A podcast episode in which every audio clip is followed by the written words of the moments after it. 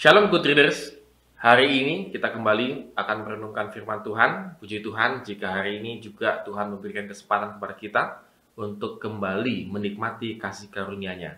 Dan firman Tuhan yang akan kita renungkan pada hari ini diambil dari 2 Raja-Raja pasal 7 ayat 1 sampai dengan yang ke-20. Ya, ini agak panjang ya, tapi tetap uh, setia untuk membacanya. Nah, konteksnya ini kan masih ingat dengan cerita yang kemarin bahwa kota Samaria telah dikepung oleh tentara Aram. Otomatis karena zaman dulu itu kota itu maksudnya itu benteng plus ada kota gitu ya dan juga ada prajurit kerajaan dan segala macam. Maka dalam satu kota. Jika sudah dikepung, mereka tidak bisa keluar. Jadi apa yang ada dalam benteng itu itu dimakan gitu ya. Jadi tidak mengherankan uh, mereka pasti akan mengalami kesusahan yang sangat luar biasa. Harga pasti pada naik semuanya begitu ya karena uh, boleh dikatakan kalau misalnya pada zaman now satu roti mungkin satu bungkus roti harganya sudah sampai satu juta begitu ya karena sudah saking saking kelaparannya pada waktu itu. Nah, Nabi Eli yang ngomong kepada seorang perwira di ayat yang pertama tadi kita baca, besok kira-kira waktu ini sesukat tepung yang terbaik akan berharga sesikal dan dua sukat jelai akan berharga sesikal di pintu gerbang Samaria. Nah, ini adalah hal nubuatan yang nggak mungkin sebenarnya. Kenapa? Ya karena situasinya masih kelaparan. Dan dia bilang besok. Mana ada krisis moneter gitu ya. Krisis kelaparan berubah dalam sekejap besok begitu ya. Biasanya kan pemerintah akan ya pelan-pelan pelan-pelan naik naik naik gitu. Ini enggak. Nabi Elia menubuatkan besok. Maka seorang perwira yang mendengarkannya mencemooh nubuatannya itu. Namun Elia benar-benar menimpalinya gitu ya. Kalau di ayat kedua dikatakan, sesungguhnya engkau akan melihatnya dengan matamu sendiri tetapi tidak akan makan apa-apa daripadanya. Nah, kita bisa melihat di sini bahwa Nabi Elia pun menubuatkan kepada orang yang mencemooh nubuatannya.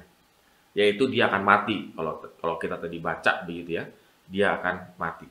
Tetapi yang menariknya begini, yang menariknya adalah gini. Di situ ada empat orang sakit kusta yang tidak mendengarkan nubuatan Elia karena mereka berada di luar pintu gerbang. Jadi kan pembicaraan Nabi eh, Nabi Elisa, maaf, Nabi Elisa itu kan di dalam kota. Ini mereka duduk di luar kota. Jadi mereka tidak dengar apa-apa. Lalu mereka mengut, uh, bercakap-cakap lah begitu ya. Dan akhirnya mereka mengasumsikan tentang kehidupannya begitu. Di ayat yang ketiga dan keempat dikatakan begini, mengapa kita duduk di sini sampai mati? Jika kita berkata, baiklah kita masuk ke kota. Padahal dalam kota ada kelaparan, kita akan mati di sana. Dan jika kita tinggal di sini, kita akan mati juga. Jadi sekarang marilah kita menyeberang ke perkemahan antara Aram. Jika mereka membiarkan kita hidup, kita akan hidup. Dan jika mereka mematikan kita, kita akan mati. Nah, dengan dengan asumsi berpikir demikian, keempat orang kusta ini ke kemah orang Aram. Dan apa yang terjadi? Saudara kalau kita tadi baca, ya benar. Ternyata mereka menemukan makanan, emas, perak, dan segala macam. Artinya, Tuhan telah membuat satu keajaiban bahwa bangsa Aram itu, kemah-kemah tentara Aram itu, mendengarkan ada suara tentara yang akan datang. Sehingga mereka lari ketakutan. Kita bisa lihat di sini betapa hebatnya kuasa Tuhan membuat pendengaran tentara Aram seolah-olah ada yang pasukan yang sangat jumlahnya besar menyerbu mereka sehingga mereka lari dari kemah. Istilahnya belum sempat untuk melawan. Biasanya kan mereka seorang tentara pasti berpikirnya ayo lawan dulu baru kabur gitu ya. Ini enggak. Mereka benar-benar sangat ketakutan sangat luar biasa lalu mereka lari. Dan empat orang kusta ini dengan bebas makan, minum dan segala macam.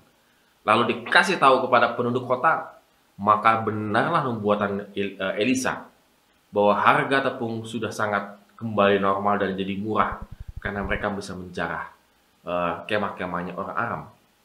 Dan perwira itu akhirnya mati terinjak-injak. Ya, good pada hari ini kita bisa melihat di sini bahwa ketika kita hidup kita benar-benar bergantung kepada Tuhan, artinya Elisa dalam keadaan itu dia tidak berpikir macam-macam. Dia sungguh-sungguh bergantung kepada Tuhan. Dan Tuhan memberikan uh, buatan kepada dia supaya disampaikan. Artinya apa? Supaya ada satu pengharapan bahwa ini selamanya tidak akan terjadi. Dan pengharapan itu asalnya suaranya dari Tuhan. Begitu juga dengan kita, good readers.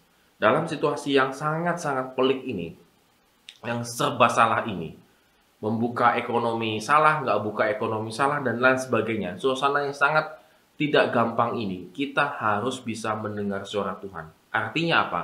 Kita berpengharapan sepenuhnya kepada Tuhan. Suara Tuhan hanya ada satu di dalam Alkitab. Kita baca, kita renungkan.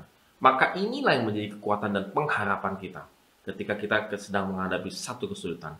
Yang kedua, kita jangan menyerah seperti empat orang kusta ini Ya, kadang-kadang kita lebih bagus mati berusaha, kira-kira demikian gitu ya. Artinya kita ingin berusaha terus-menerus. Apa pun itu, kita harus tetap berusaha. Kita jangan hanya duduk diam saja. Tidak, kita harus melakukan banyak hal dalam kehidupan kita. Walaupun orang mengatakan itu nggak mungkin kamu bisa. Nggak mungkin kamu bisa membuka usaha dengan situasi ekonomi seperti ini. Nggak mungkin kamu bisa begini begitu dengan situasi pada saat ini. Tapi tidak ada Tuhan di samping kita. Ada Tuhan yang menjaga kita. Ada Tuhan yang melindungi kita. Oleh karena itu, good readers tetap usaha, walaupun tidak mungkin. Tapi kita sepenuhnya menyerahkan semuanya ke dalam, ke, dalam tangan Tuhan. Dan tiada yang mustahil bagi Tuhan. Sehingga hidup kita sungguh-sungguh bisa uh, memuliakan nama Tuhan. Dan kita bisa menyaksikan perbuatan Tuhan yang ajaib dalam kehidupan kita. Amin. Tuhan Yesus memberkati kita semua.